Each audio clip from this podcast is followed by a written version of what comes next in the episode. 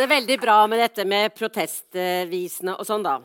Eh, og jeg prøver å tenke, eller jeg har tenkt å liksom snakke om han sånn eh, Jeg har kalt foredraget 'Å se', men også. Eh, hva skal vi gjøre? Hvordan skal vi leve sammen? Og dette skal jeg prøve å drøfte eh, via tre eh, skuespill. Og jeg har lagt opp ganske pedagogisk, fordi det tror jeg han ville likt. Han var ikke for sånn der kunsten for kunstens egen skyld. Han sa til oversetterne sine det er viktigere at budskapet kommer fram, enn at liksom, forfatteren eh, kommer fram eller får vist sine kunstnere. og alt det der. Første gang jeg eh, opplevde Bertolt Brecht, var, da var jeg elleve år. og Det var første gang jeg skulle på teater. Og det var fordi min onkel var skuespiller på eh, Riksteatret, og de besøkte Oslo med Det gode mennesket fra Setsuan. Um, og min uh, onkel spilte en av gudene. Og Det handler om tre guder som kommer ned til jorda for å se hvordan det står til mellom menneskene. Og det står veldig dårlig til. Menneskene sviker hverandre, bedrar, lyver, dreper, stjeler. Det er ikke engang noen som gidder å gi gudene husrom. Bortsett fra det gode menneskesetsuan, den prostituerte Shen Te. Hun gir gudene husrom. Og da gudene skal reise opp igjen fra sin himmel til sin himmel svært desillusjonerte med hensyn til hvordan det ser ut, eller hvordan det står til mellom menneskene, så vil de gi Chen Te en butikk, så hun skal slippe å prostituere seg. Men Chen Te hun er jo altfor snill til å ha butikk, det gode mennesket. Hun gir jo til de som ikke kan betale. Så noen sier sånn 'Å, barnet mitt har ikke spist på lenge.' Så gir kjenn til. Noen som 'Å, min gamle far har ikke smakt ris, han ligger for døden.' Så gir kjenn til. Men hun skjønner jo hun er ikke dummere, at hvis hun fortsetter på den måten, så mister hun snart hele butikken. Så hun ser seg altså nødt til å dikte opp en slem fetter. Og en gang i måneden kler hun seg ut som ham, kommer til landsbyen og drar nådeløst inn sine penger. Sånn som det står. Gode mennesker orker ikke lenger være gode i vårt land. Når krybben er tom, bites hestene. Akk, hva nytter gudenes strenge bud når nøden hersker? Og jeg husker at jeg gikk ut av teatret sånn oppløftet av den kunstneriske opplevelsen, men rystet av spørsmålet Hvis det er sånn fatt at gode mennesker ikke lenger orker å være gode, hva skal vi gjøre da? Chen Te ser seg altså nødt til å kle seg ut som en slem fetter. Stadig oftere, kommer stadig oftere ned i landsbyen og drar nådeløst inn sånn 'Pengene mine, pengene mine.' Og i landsbyen begynner de og savner Shente. Hvor har det blitt av Shente? Hun var så god, hun var så snill. Hun som de i sin tid utnyttet på det groveste. Men Shente er blitt gravid, og magen vokser under dressjakken. Og på et tidspunkt må hun dra fettermasken av. Og da sier de i landsbyen Shente er det deg? Og så sier hun denne viktige setningen. Ja, jeg er begge. Å være god er for vanskelig. Akk, vår verden er vanskelig. Den som vil hjelpe de fortapte, er selv fortapt. Det er en feil på den verden som er. Hvorfor får ondskapen sin belønning, og hvorfor blir godheten straffet? Så hardt. Og disse tre gudene kommer ned igjen på jorda på en liten hastevisitt. Og de bare rister på hodet når de ser hvordan det står til. Og Shente ber liksom ikke reis igjen uten å gi meg råd og retningslinjer om hvordan jeg kan være et godt menneske. Gudene rister på hodet og reiser opp igjen. Og Shentes siste ord er Hjelp! Da kommer, som ofte i Bertolt Brechts stykker, en forteller inn på scenen som sier, og jeg sier det på svensk, for jeg syns den svenske oversettelsen er bedre enn den norske Høyst ærede publik, vær ikke vred om denne slut er ute av ledd. Kan et godt menneske assisteres når happy end skal produseres? Kjære publik, det er deres slutt. Dere bestemmer det når dere går ut. Og det er jo sant at det er summen av enkeltmenneskers handlinger som bestemmer hvordan slutten på det hele skal bli. Han insisterer på at det ligger i vår makt å forandre verden. Og det må vi jo tro. Men hvordan? Det er jo lettere å påpeke urettferdigheten i verden og hvor krevende det er å prøve å være et, et godt menneske, enn å gi bud på hvordan den kan forandres. Og ja, Etter hvert som jeg har lest ham igjen og igjen opp gjennom årene, forandret meg litt fra nesegrus beundrende til å anføre det mot ham. Ja, at han får oss til å innse at det er nesten umulig å være god. At det er fristende å være kynisk og selvisk fordi det gir uttelling. Men hva skal vi gjøre? Men for like etter å se i øynene at når du er ung, så er det å lære å se uretten og det urimelige verdens beskaffenhet en helt nødvendig begynnelse. Jeg var så opptatt av Brest at jeg skulle skrive særoppgave på, på ungdomsskolen. Så ville jeg da skrive om han. Uh, norsklæreren min visste ikke hvem det var, men da hun kom tilbake og hadde undersøkt det, så var hun helt sånn Men Vigdis, han er kommunist. Og det var noe Jeg, hadde ikke forstand på å være redd for kommunister. Jeg bare visste at det var noe faren min var imot, og det bare pirret meg mer. Eh, men så gikk jeg, og hadde, jeg måtte på Deichman for å finne noe. Der hadde de det gode mennesket, og så hadde de tolvskillingsoperaen. Og jeg åpnet tolvskillingsoperaen med den samme Regnet med å bli like rystet som jeg gjorde av å lese Gode mennesker Setsuan. Men det gjorde jeg ikke, for den er jo annerledes munter, med sanger som balladen om den seksuelle slavestanden og hallikballaden og Våkne opp, råtne kristen sjel, vær Den vær så Skal vi se, jeg skal finne den. Våkn opp, ristne Kristen sjel, vær beredt på noe klar til det syndige livet. Hvis hva for en slyngel du er, din løgn den vil Herren deg give. Selv din bror, det er enkel fornuft, selv din ekte vil stjele og bedra. Gud Herren, for deg er han luft, det vil vise seg på dommens dag.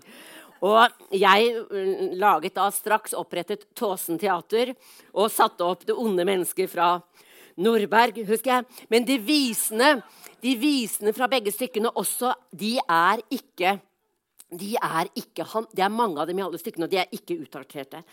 Han lar altså soldaten si til generalen Skulle min kropp råtne for at din idé skal triumfere? Er du full? Han sier 'Hva er det verste? Eie en bank eller rane en bank?' Han, da, han lar fiske, fiske, fiskeren si til meitemarken 'Skal vi dra og fiske, eller?' Så, eh, han lar Han snakker om de mennene som ikke vil framskritt, men forsprang. Han skriver i mellomkrigstida to setninger. Han opplevde jo første verdenskrig på nært hold. Det kommer jeg tilbake til. Regjeringene skriver fredsavtaler. Lille mann, skriv testament. Han skriver i fire linjer en livsholdning eh, som vi kan kjenne igjen. Jeg sitter i veikanten og ser på at sjåføren skifter ut et hjul. Jeg likte meg ikke der jeg var. Jeg liker meg ikke der jeg skal. Hvorfor ser jeg på hjulskiftet med utålmodighet? Og da jeg eh, da traff min første uh, mann, uh, som uten å vite at jeg kunne min Brecht Han inviterte meg på Den nasjonale scene i Bergen. Han var siviløkonom, uh, student. Og inviterte meg på opera, og ante ikke at det var tolvskillingsoperaen. Og da hadde jeg fordeler, vet du. ja, du er en av dem som vil forsprang og, og ikke framskritt. Og jeg begynte straks på å oppdra han, men jeg og Brecht og jeg har erfart at det å forandre mennesker ved hjelp av diktning, det er veldig vanskelig. Nå vel. Bertolt Brecht ble født i Augsburg, Tyskland i 1898. Faren eide en mm, papirfabrikk, og familien tilhørte det velhavende borgerskapet i den gamle, rene, pene byen. Men Brecht kom veldig tidlig i mm, konflikt med omgivelsene. Bare 17 år gammel i 1915, da byen var, altså da Tyskland var krigsbegeistret, så fikk han en stiloppgave. Det er søtt og ærefullt å dø for fedrelandet. Og Brest skrev at dette utsagnet bare kunne tolkes som en forfengelig og målbevisst propaganda. For avskjeden, skriver han, møtet med den sorte port fra livet vil alltid være tungt i sykesengen som på slagmarken. Og det var like før han ble utvist. Etter og dessuten, som 20-åring, så skriver han eh, nei, altså Etter gymnaset begynte han på medisin, ble innkalt til lasarettjeneste og kom til å stå overfor noen av de mest lemlestede og ødelagte ofrene for første verdenskrig. Og det er noe jeg tror vi, vi, ikke, vi har glemt i dag. Et eksempel.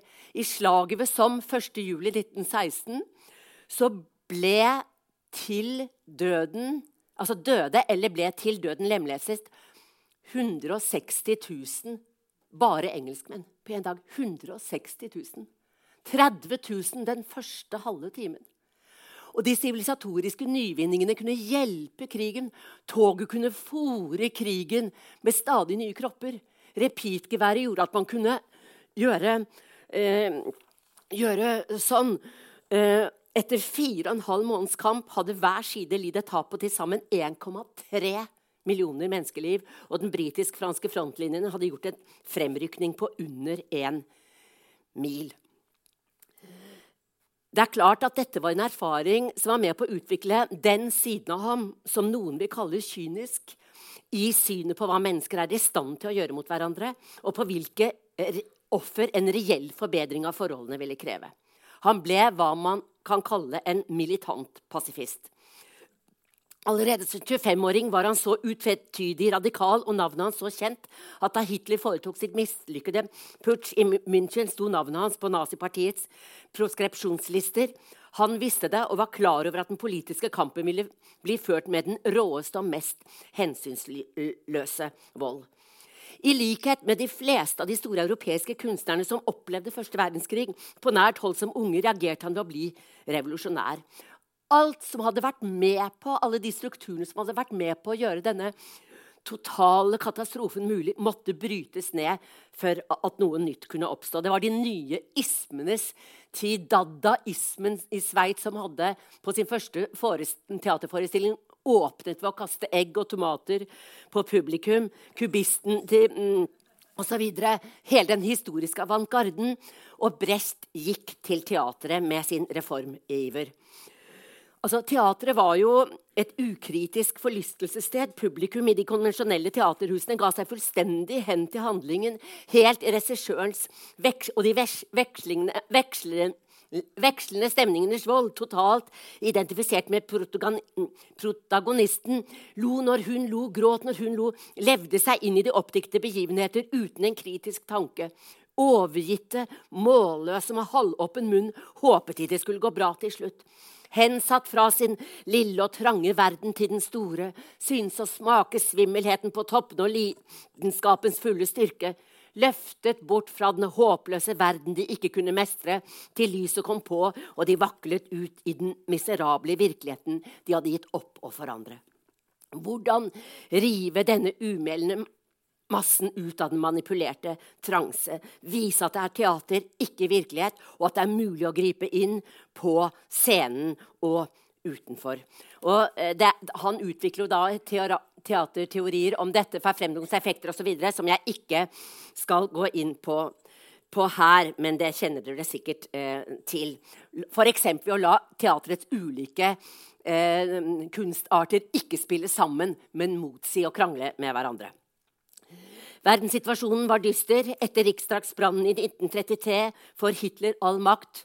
Løgn, undertrykkelse og vold blir tysk hverdag. Alt går slik. Brecht har forutsagt. Han forlater Tyskland i 33 og er landflyktig med familien i 15 år. Men det skal sies at når han kommer til, etter en lang fart kommer til, til Hollywood, eh, så sier han at det kommersielle trykket i Vesten var like sterkt som det nazistiske trykket i, i eh, Nazi-Tyskland. Og han skriver et sted i dagbok fra denne tiden at de har sitrontrær her også, men det ser ut som de mangler en prislapp. I eksil så skriver han det før omtalte 'Det gode mennesket Setsuan' i 42. Eh, og så skriver han nei, nei, Men før Moto Courage, skrevet noen år, handler også om vanskeligheten ved å være god, men har en mer realistisk hovedkarakter. Moto Courage, som er en overlever, en pragmatiker, en kyniker. Og stykket er en utforskning av hvilken pragmatisme, æresløshet, som skal til hvis man skal overleve i harde tider men som også er nødvendig i gode tider hvis man vil komme fram i verden. Vi har alle en rem av huden hennes. Det er ikke mulig kanskje å overleve uten. Det er jo lærdommen fra det gode mennesket. Moto Courage har den slemme fetteren integrert i seg. Av nødvendighet er spørsmålet, eller har hun et valg? Det er skrevet i eksil i 1938-39 i Sverige, og stykket kan leses som en advarsel mot krigen som er i ferd med å komme. Men han, den er lagt til ikke til samtiden, men til den store europeiske 30-årskrigen 1618-1648. Noe som gjør den aktuell i dag. Det skal jeg komme tilbake til. Katolikker slåss mot lutheranere. Det vil si, sånn er det gått over i historien, men realiteten var det et oppgjør mellom en allianse dominert av Habsburg-keiseren og den franske kongemakten. Og Moto Courage prøver å overleve som best hun kan med sine tre barn hun har med tre forskjellige menn. Hun følger i krigens kjølvann med en gammel vogn med varer hun selger til soldater, hele apparatet av feltprester og feltherrer og soldatververe og krigskokker som følger de ulike regimentene. Fremskaffer sånt som de trenger, så billig som mulig, og selger så dyrt som mulig. Sko, skjorte, flesk, pølse, brennevin for å overleve og fø sine barn. Trekke vogna sammen med dem, hele tiden i passelig avstand til kampene.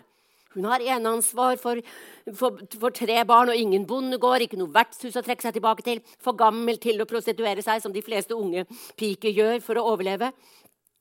Hun har vogna og krigen. Stykket starter 1624 i Dalarne i Sverige. Mot Courage stanset av en feltherre og en soldatverver som krever å få se papirene hennes. Hun viser dem fram, og de spør. Hva gjør du her? Du er jo fra Bamberg i Bayern. Mot Courage. Jeg kan ikke vente til krigen kommer til Bamberg. Soldatververen ser sulten på Motocourage eldste sønn Eilif. Klarer han å verve Eilif til krigen, vil han få en pen sum penger. Hvorfor er du ikke soldat, spør han. Hvorfor drar du på en gammel kjerre med mora di når du kan være modig helt i krigen, og oppleve spenning og eventyr? Hvorfor er du her med mora di og ikke der det skjer? Men Motocourage vil ikke at Eilif skal i krigen. Hun vet hva krigen gjør med sine soldater. Skal du lokke ham til slaktebenken? Hvor mange penger får du for å lokke ham til slaktebenken? Soldatververen svarer at hun selv tjener penger på krigen, lever av krigen. Men hvordan skal den krigen hun er avhengig av, fortsette hvis ingen vil være soldater? Er du kanskje redd for krigen? spør han Eilif. Jeg er ikke redd for noen krig, sier Eilif. Det er motocourage som i denne situasjonen sier 'kom, skal vi fiske', sier fiskeren til meitemarken. Slik narrer man soldatene til krigen ved å presentere det som en tilforlatelig geskjeft. Men så viser feltherren interesse for et spann motokorasje har til salgs. Og hun er straks i gang med å kjøpslå og glemmer soldatververen og Eilif. Motocourage får handelen i havn og biter i mynten eh, hun får for å sjekke om den er ekte. Hun har blitt lurt så mange ganger. 'Jeg er et brent barn', sier hun, og oppdager først nå at Eilif er vervet som soldat. Det hun fryktet. Men det er klart, krigen frister med eventyr. Og hva slags framtid er det å dra vogna sammen med mora si? Og når vi da møter Eilif igjen, ikke så lenge etter, er han allerede feiret krigshelt. Han har narret noen bønder i en felle og drept dem for å få tak i buskapen, dvs. Si mat til sine soldatbrødre. En heltedåd. Nøden har ingen lov, sier han til presten. Hva sier prest, feltpresten til det? Det står ikke akkurat i Bibelen, svarer presten, men Vår Herre forvandlet fem brød til 500, og da var det ingen nød og lett å begjære at man skal, skal elske sin neste. Det er lett når man er mett. Nå når det er krig, er det annerledes. Som det står et annet sted, først kommer maten, siden moralen. Eller som det afrikanske ordtaket, En sulten kan ikke være venn med en mett. Er du mett, får du finne andre venner. Eilif forsvinner for å oppleve flere forførende krigseventyr. Motocourage er alene igjen med sine to andre barn. Sønnen Sveitserosten, som har den svakhet at han er ærlig, og som skal komme til å gå til grunne på sin ærlighet.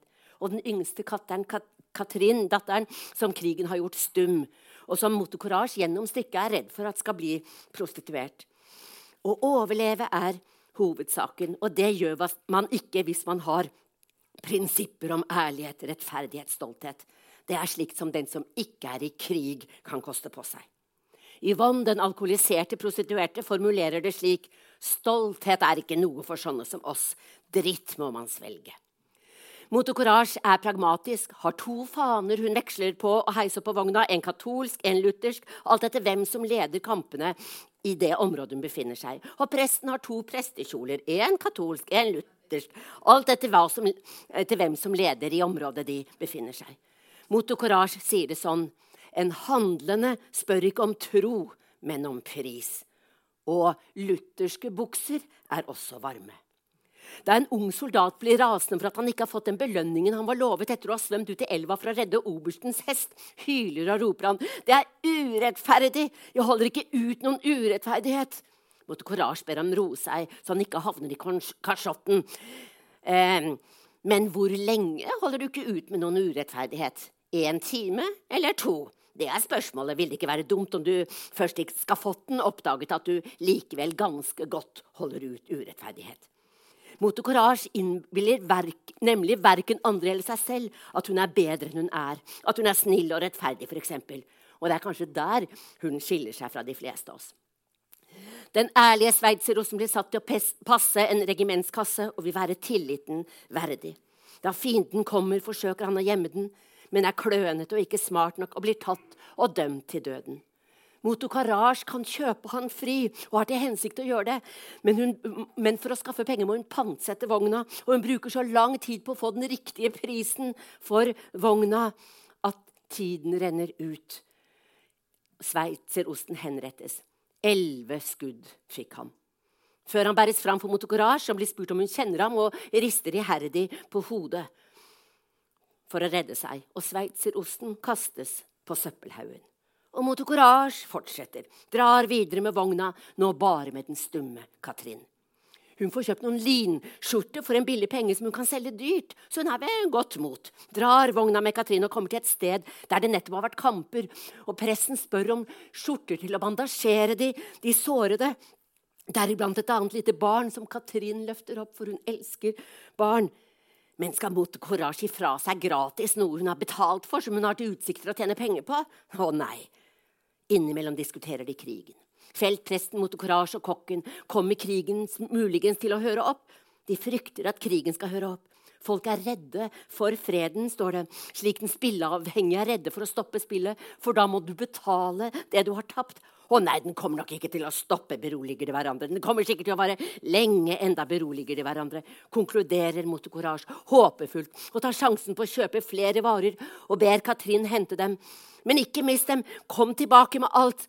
Og Katrin kommer tilbake med alt, men med et ødelagt ansikt. Men i sin stumhet kan hun ikke forklare hva som har skjedd. Men Motocourage skjønner at noen har prøvd å ta varene, og hun har stått imot. Heldigvis kommer hun, kom hun tilbake med alt. Riktignok har hun fått et ødelagt ansikt, men kanskje er det det beste, for da kommer hun ikke til å lengte etter noen mann.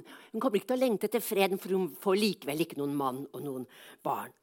Så blir det plutselig fred. Å, faen! klager mot og når hun akkurat har skaffet nye varer. Og så kommer Eilif og håndjern som fange. Hva har skjedd? Jeg har drept bønder, sa vokterne. Han har drept bønder. Men hvorfor gjorde du det, din idiot? sier Motokorasj. Jeg gjorde ikke noe annet enn det jeg har gjort før, svarer han. Men nå er det jo fred, sukker moren. Så Eilif blir skutt for å ha gjort det under freden han ble helt for under krigen. Men så blir det heldigvis krig igjen, og Motocourage fortsetter å dra vogna med den stumne datteren sin. To sønner tapt. I siste scene er det januar 1936. Krigen har vart i 16 år og skal vare lenge enda. Vogna til Motte Courage står ved en bondestue. Det er natt. Ut av skogen kommer fire tungt bevæpnede soldater. De trenger noen som kan vise dem veien til landsbyen, og banke på døra. Motte Courage og Katrine og bondefolket, som har gitt dem husly, våkner. Soldatene spør om veien til landsbyen og truer med å drepe oksen deres om de ikke viser dem veien til landsbyen. Å nei, ikke oksen! Å nei, ikke oksen! Og sønnen i huset gir etter og skal følge dem til landsbyen. Og da de har gått, klatrer bonden opp på taket for å se om det er flere soldater i nærheten. Å nei, det er mange, mange! Et helt regiment! Det er kanoner! Gud forbarme seg over byen og landsbyen og alle som er i den. De som sover nå, de kommer til å bli drept, alle sammen. Ingen vaktposter kommer til å oppdage fienden i tide. Men hva skal vi gjøre?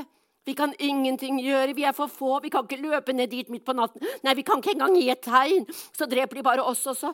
Det kommer til å bli et blodbad, og vi kan ingenting gjøre annet enn å be. Be, du stumme, selv om du ikke kan snakke, så kan Gud høre deg. Fader vår, du som er i himmelen, hør vår bønn. La ikke landsbyen gå under med alle som er i den, og som sover nå og ikke aner noe. Kjære Gud, vekk dem opp, så de står opp og går opp på bymuren og ser hvordan fienden kommer mot dem i natten med spyd og kanoner. Bistå vår svoger som er der nede med sine fire barn. La dem ikke dø, de er uskyldige. En av dem er under to år. Katrin, barneelskeren, reiser seg. Den eldste er sju. Katrin blir urolig. Kjære Gud, hør oss, for bare du kan hjelpe. Vi er svake og har ingen spyd og kan ingenting gjøre og er i dine hender, slik som byen og fienden står foran muren med stor overmakt. Katrin har sneket seg inn i vogna mens bondekonen fortsetter sin bønn. Tenk på barna, tenk på de minste, på de gamle som ikke kan røre seg. Tenk på alle levende vesener, og forlat oss våre synder slik som vi forlater våre skyldnere. Amen. Katrin har hentet en tromme i vogna og kommer seg opp på taket av huset. Hun trommer. Bondefolket, hva gjør hun? Hun har mistet forstanden! Hent henne ned fort! Hun styrter oss i ulykke! Slutt, slutt å tromme, din idiot! De kaster sten på deg! Katrin trommer.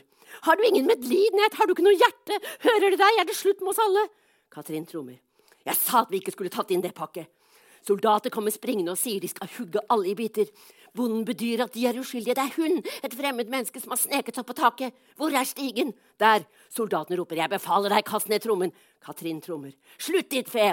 Soldaten, dere er medsammensvorne, dette vil straffe seg, dette kommer dere til å angre, dette vil dere ikke overleve. Bonden, vi kan hente et tre og dytte henne ned med det. Vi må stoppe henne, hent musketen. De kan ikke ha hørt noe i byen enda. Da ville vi hørt artilleri. Kast ned trommen, sier jeg. Katrin trommer. De hører deg ikke likevel. Du kan like gjerne kaste trommen ned. For siste gang, kast trommen! For siste gang, jeg befaler deg, kast trommen! Katrin trommer. De skyter og treffer. Katrin trommer enda et par ganger før hun synker sammen, død. Soldaten. Nå er det slutt på ulyden. Så høres kanonskudd fra byen. De har våknet, de forsvarer seg. Soldaten, hun lyktes med det. Motocourage sørger over sitt døde barn, men snart etter betaler hun bøndene for å begrave henne, spenner seg for vogna og håper hun kan dra den alene. Det skal nok gå. Det er ikke så mye i den lenger. Hun må komme i gang med sine forretninger. Tre barn har mistet i krigen.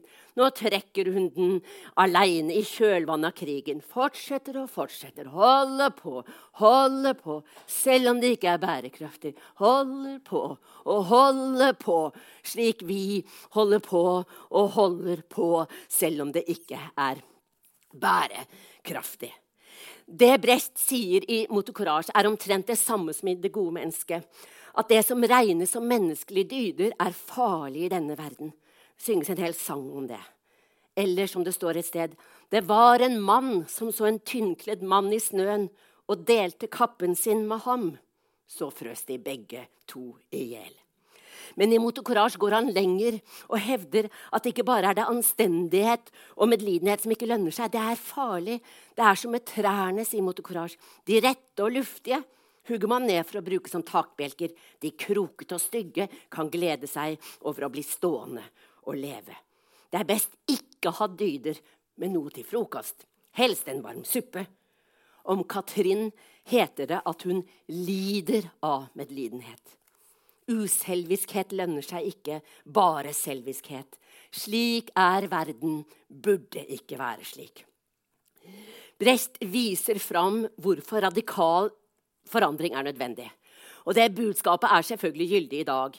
Og viser også, stykkene viser oss også eh, hvordan, hvordan, de sår krigen påfører menneskene, er veldig vanskelige å lege. Um, hva skal palestinsk ungdom gjøre om det blir fred, når de hele sitt liv har identifisert seg med den underlegne, plagede parten i en krig? Vil de beherske freden? I motsetning til den krigen Brett beskriver i Motokorar, som foregår på bakken, og den krigen palestinerne opplever, som de erfarer daglig, opplever nordmenn flest. De krigene Norge har deltatt i i de siste årene, ganske annerledes. Norske soldater ser knapt sine fiender og ikke de lidelser de påfører dem. Sjansen for å bli drept som norsk soldat er uhyre liten. Ingen blir lurt til å passe en regimentskasse. Det fins et stort hjelpe- og støtteapparat. Skulle stykket ha relevans for norsk krigføring i fjerne einer i dag, er det noen roller som mangler. Hjelpearbeideren sang, FN-soldaten sang, Nato-generalen, sekretærens, skulle jeg gjerne hørt. På den, men på andre måter kan dagens krigsscene nettopp sammenlignes med 30-årskrigen. Den kaotiske situasjonen, de utydelige konfliktlinjene, det uoversiktlige landskapet. Det er det som var fiende i går, kan være alliert i morgen. Det er vanskelig å orientere seg og få oversikt og bygge varige allianser, og særlig det at religion brukes for å dekke over maktbegjær og grådighet. Og i det at i disse krigene er det de fattige, de minste, som lider på begge sider av konfliktlinjene. Som han skriver. Den krigen som kommer, er ikke den siste. Før den var det andre kriger. Da de var slutt, hadde noen seiret og noen tapt. Hos de som hadde tapt, led de fattige nød. Hos de som hadde seiret, led de fattige nød. Eller når hæren skal ut og marsjere, er det så mange som ikke vet at fienden marsjerer i spissen. Den stemmen som kommanderer, er fiendens stemme. Den som taler om fienden, er selv fienden. Jeg tenker på hvordan når man hisser til krig mot, mot Russland osv. Det er fiendens stemme. Eller, som det står, skal det stå på den siste tavlen den som er knust og uten lesere. Planeten går i stykker, drept av dem som den ernærte. Men vi skal ikke glemme lyspunktet i Motocourage. En helt avgjørende lyspunkt.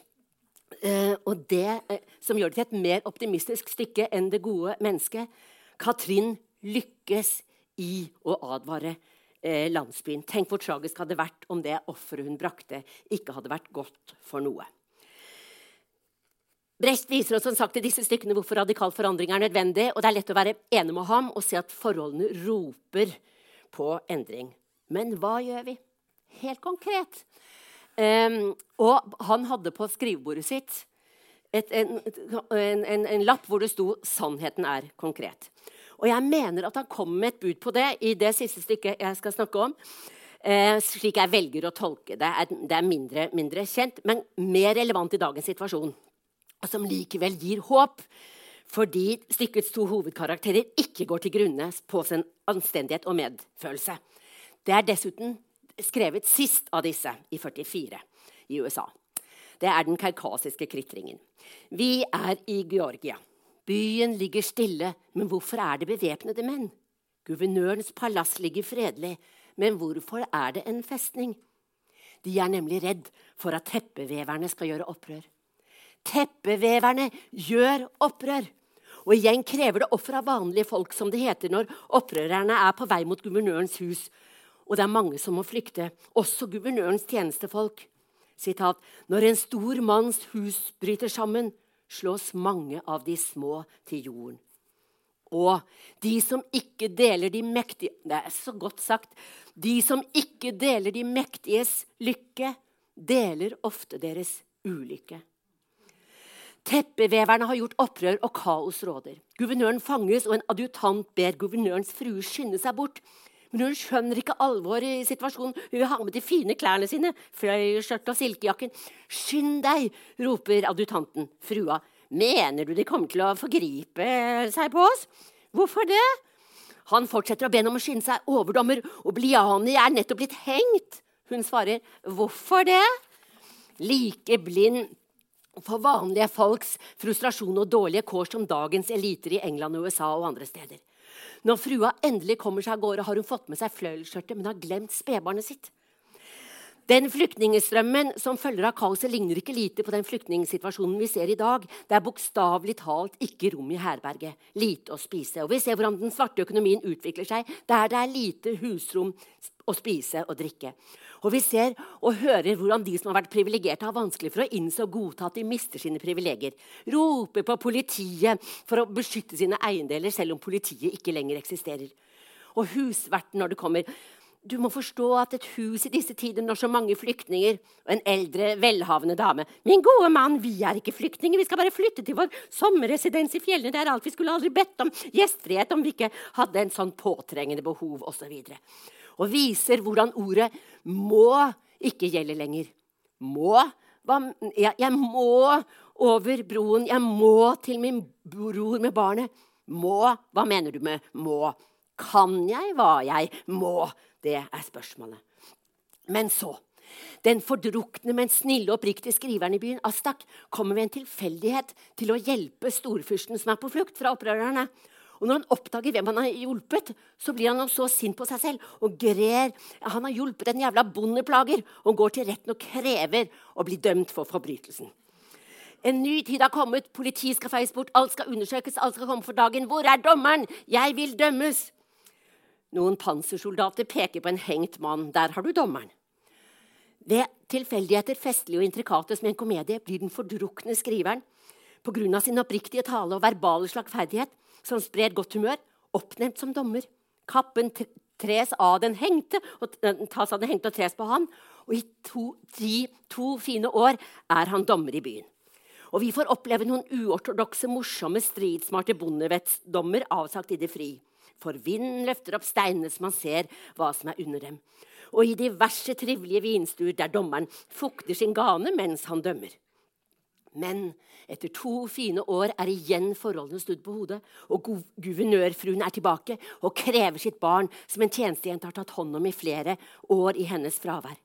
De krever begge barnet, og Astak hører på begges argumenter. Guvernørfrua som argumenterer med formue og blod og har hjelp av alle sine advokater. Og så tjenestejentas da folkelige, etter hvert opphissede og rasende tale. Og Astak ser seg nødt til altså Han tar ikke betalt av de fattige, de som har dårlig råd. Sånn. Derfor er han elsket. Men han tegner da en krittsirkel. Dette er jo fra Salomos ordspråk. det vet dere sikkert. Han tegner en krittsirkel, plasserer mat, barnet i midten. Og ber da, sier at den som da drar barnet, klarer å dra barnet over på sin side, er moren. Og guvernørfrua hun drar og drar, og hun vinner. Å, jeg har vunnet, da. Astak ber de gjøre det en gang til. Og igjen så klarer ikke tjenestejenta å dra. Hun slipper, og guvernørfrua tror hun har vunnet. Men da er det at Astak sier barnet tilhører den som viser omsorg for det. Den som oppfører seg moderlig, er den rette mor.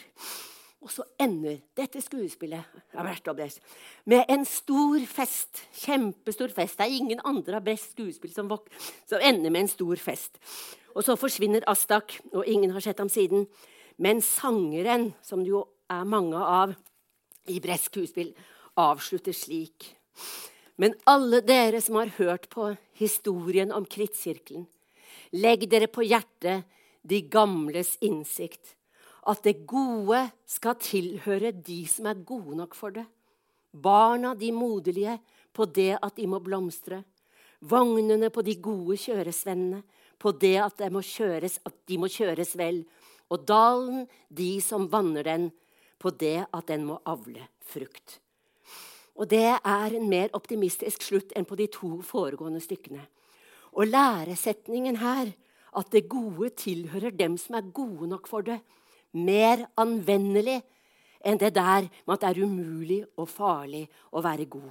At bare uselviskheten lønner seg at det gode skal tilhøre de som er gode nok for det. Og hvis vi skal følge opp en slik læresetning, så må vi være fryktelig gode i Norge for å ha det så godt. Om vi ikke er det, som vi ikke er, burde vi kanskje begynne å være det. Her og internasjonalt. Vi som har det så godt, må være veldig, veldig gode. Det kan vi lære av den kaukasiske kritringen sammen med noe annet. At det er smart for et samfunn å holde seg med gode, ubestikkelige dommere som har øye for småfolks rettigheter. At et godt lovverk er uvurderlig. Slik vi ser at det nå er de amerikanske juristene er de som kan begrense og kanskje faktisk felle Trump. Trump. Og når gode advokater som forsøker å forhindre at den norske staten at det er gode advokater som forsøker å hindre at norske staten sender ut folk som har bodd i Norge i nærmere 30 år pga. forfedrenes gjerninger. Brest stykker og poesi hjelper oss til å se hvordan våre egne privilegier er lokalisert på samme kart som andres lidelser, og at noens rikdom som regel har forbindelse med andres fattigdom. Og han snakker forbilledlig klart. En, han ansporer til å skrive klart. Han sier ualminnelige, uvanlige ting, men bruker vanlige ord. I motsetning til mang en professor som sier vanlige ting, men bruker uvanlige ord. I et dikt som 'Herberget' Jeg hører at i New York, på hjørnet mellom 26. gate og Broadway, står det om vinteren hver kveld en mann og skaffer de husløse som samler seg der, penger han samler inn så de får plass på herberget. Dette forandrer ikke verden. Dette forandrer ikke forholdene mellom menneskene. Dette forkorter ikke utbyttingens tidsalder. Men noen menn har fått plass på herberget. Vind blir holdt borte fra dem en hel natt. Snøen som skulle falt på dem, faller på gaten. Menneske, legg ikke vekk boken hvor du leser dette. Noen mennesker har nå plass på herberget. Vind blir holdt borte fra dem en hel natt. Snøen som skulle falt på dem, faller på gaten. Men dette forandrer ikke verden. Dette forbedrer ikke forholdene mellom menneskene. Dette forkorter ikke utbyttingens tidsalder. Som er et dikt som sier at vi bør arbeide på to fronter. Hjelpe dem som ikke har noe sted å bo, de som lider like i nærheten av oss, men særlig forandre de strukturene som produserer lidelse. Som han skriver, mennesket kan være godt, men at i verden slik den er nå, er det ikke mulig. Vi må altså, vi må altså eh, altså, verden, må verden, må forandres for at mennesker kan kunne leve ut sin godhet. Dessuten må vi i forhold til når vi står overfor katastrofer, og de blir forsøkt å forklart oss som på en måte tilfeldige, eh, eller som om ikke det er spesielle krefter bak, som det står i stykkeskriverens sang. Jeg ser her blir det snøstorm. Jeg ser her kommer det jordskjelv. Jeg ser her blir det flomkatastrofe. Men eh, snøstormen går med fin hatt. Men jordskjelvet har penger i banken. Men fjellet går inn i lange biler. Men flommen disponerer over politiet. Og så og så skal vi lære bort det vi kan, og særlig de som er privilegerte, må lære bort, slik som han skriver om hvordan han har blitt oppdratt til å herske og til å gi ordre. Slik har de oppdratt en forræder, undervist ham i sine kunstner, og han forråder dem til fienden. Ja, jeg plaprer ut med hemmelighetene. Blant folket står jeg og forklarer hvordan det bedras, og sier på forhånd hva som skal skje. For jeg er innvidd i deres planer. Latinen til deres bestukne prester oversetter jeg ord for ord til vanlig språk. Da viser den seg å være humbug. Deres rettferdighetsvekter tar jeg ned og viser hvordan de fusker.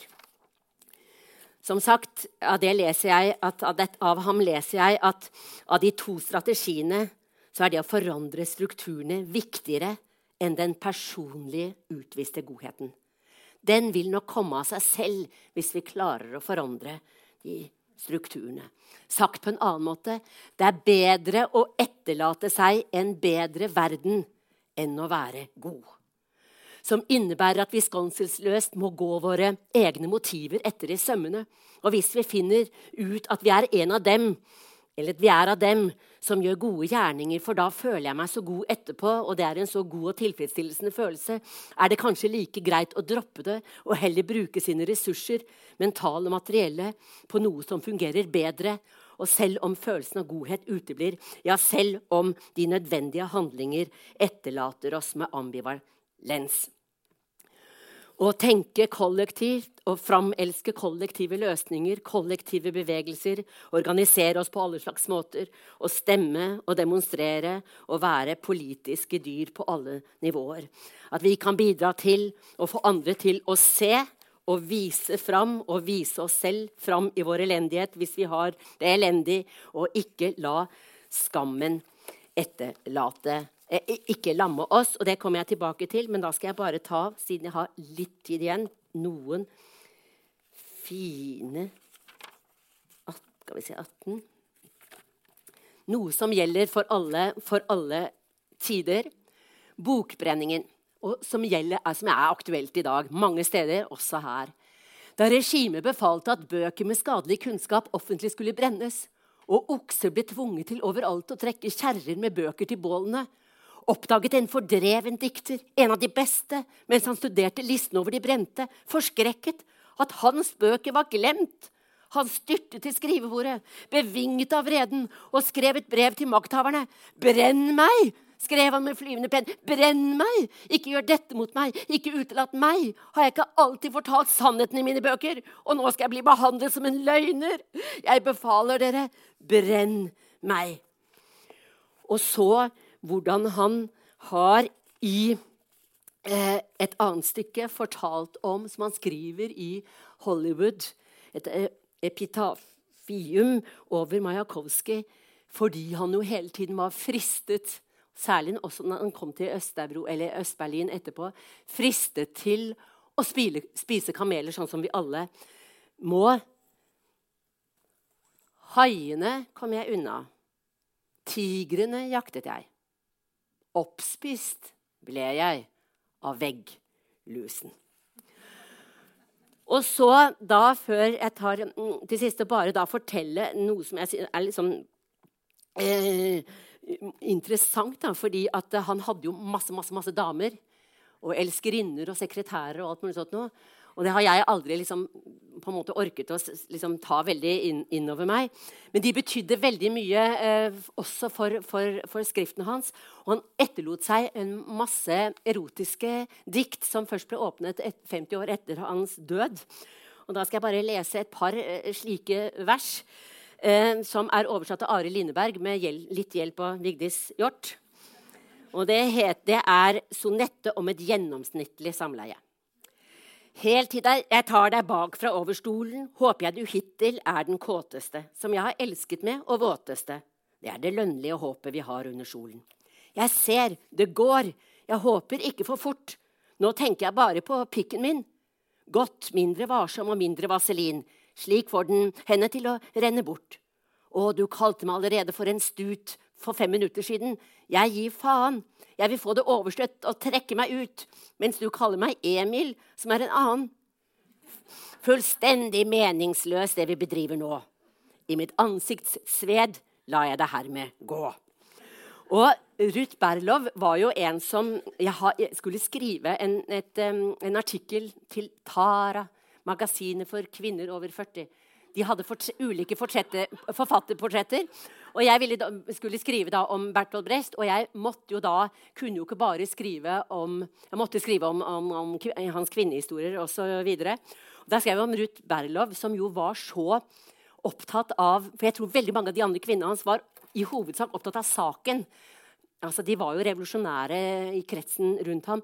Men Berlov var, Ruth Berlov var bare opptatt av Brecht. Hun ble, var så alkoholisert mot slutten at hun fikk ikke komme på Berliner Ensembles eh, øvelser. Og hun ble innlagt på avvenningsklinikker. Og da Brecht døde, så hun, fikk hun laget en ansiktsmaske i gipsavstøpning av hodet hans som hun hadde i en hatteeske. Og Av og til så tok hun den fram og så satt hun og koste. Og Brecht, du var jo så søt. Du var jo grei innimellom. sånn. Noen ganger ble hun sint på han og pakket ned hatteesken og, og, og, og, satte den inn i et skap. Og hun, hun, De skjønte ikke på dette hjemmet hvorfor hun alltid var full. fordi Hver gang de fant en flaske på henne, så tok de den vekk fra henne. Men de fant ut etter hvert at hun hadde hult ut en gipshode av Brest. Hun hadde en halv flaske whisky eh, der inne som hun greide å skjule for, uh, ham, for uh, pleierne og sånn. da. Uh, men når jeg skrev om dette, og så sendte jeg dette inn, artikkelen inn og jeg, Min overskrift var 'Bertolt Brecht en kynisk menneskevenn'. Noe som jeg synes var en passende tittel. Men da altså, Brecht, Bertolt Brecht skriver jo et sted Hva slags tider er det vi lever i? Det er et dikt om et epletre. Er, er en, på en måte en, en forbrytelse. Fordi det lyver om så mange ugjerninger. Hva slags tider er det vi lever i? Um, og så skriver jeg, da jeg kaller denne artikkelen, sender den inn um, Bertolt Brecht, en kynisk menneskevenn. Og når bladet kommer ut, så står det Berthold Brecht, en dunkel damevenn. Slike tider er det vi lever i. Men, men da for å bare avslutte med et dikt som jeg syns er, som jeg syns er eh, opp, oppløftende. Eh, og det er det diktet som heter 'Kunden'. Og det er skrevet da i 36-37 da trygdene gikk ned fordi man skulle ha penger til krigsindustrien. Og det går omtrent sånn Jeg er en gammel dame. Eller en gammel kone. Og da trygdene ble redusert, så hadde jeg ikke lenger råd til å gå i butikkene som jeg før gikk daglig i. Så jeg sluttet å gå i butikkene som jeg før gikk daglig. Men en dag tenkte jeg over det. Og så begynte jeg igjen å gå i butikkene som jeg før gikk daglig. Ba om det jeg pleide. Ikke mer, men heller ikke mindre. Et halvt brød, en kålrot og en purre. Og bare da kjøpmannen regnet sammen summen jeg skulle betale, og jeg åpnet min portemonee, måtte jeg bekjenne at jeg ikke hadde råd til å betale det. Og hoderystende gikk jeg ut av butikken, sett av alle kunder. Så står det, for hvis den som ikke kan betale, ikke viser seg der mat blir kjøpt, vil man tro at de ingenting trenger. Og det er jo en form for radikal, revolusjonær handling som ligger innenfor vår rekkevidde. Vi har jo, vi har jo um, sånne subtile mekanismer i samfunnet vårt som gjør at vi får de minste blant oss til å skamme seg. Tenk hvor flaue vi blir når det står 'kort avvist' på terminalen. Så det der kan vi kan prøve i det små å gjøre som denne kvinnen. Og huske at vi må være veldig, veldig, veldig gode som har det, som har det så godt. Og så må vi jo gjen, gjenskape den revolusjonære gløden. Det, det mener jeg liksom på ordentlig. Selv om den altså den revolusjonen for å skape et kommunistisk godt samfunn, eh, den har feilet, men vi trenger jo vi trenger bredt forfatterskap til å tenke ut nye måter å, å, samle oss på og forandre strukturer på. Det kan ingen være uenig i, tenker jeg. Takk til Brecht, og takk for meg. Mm. Mm. Takk.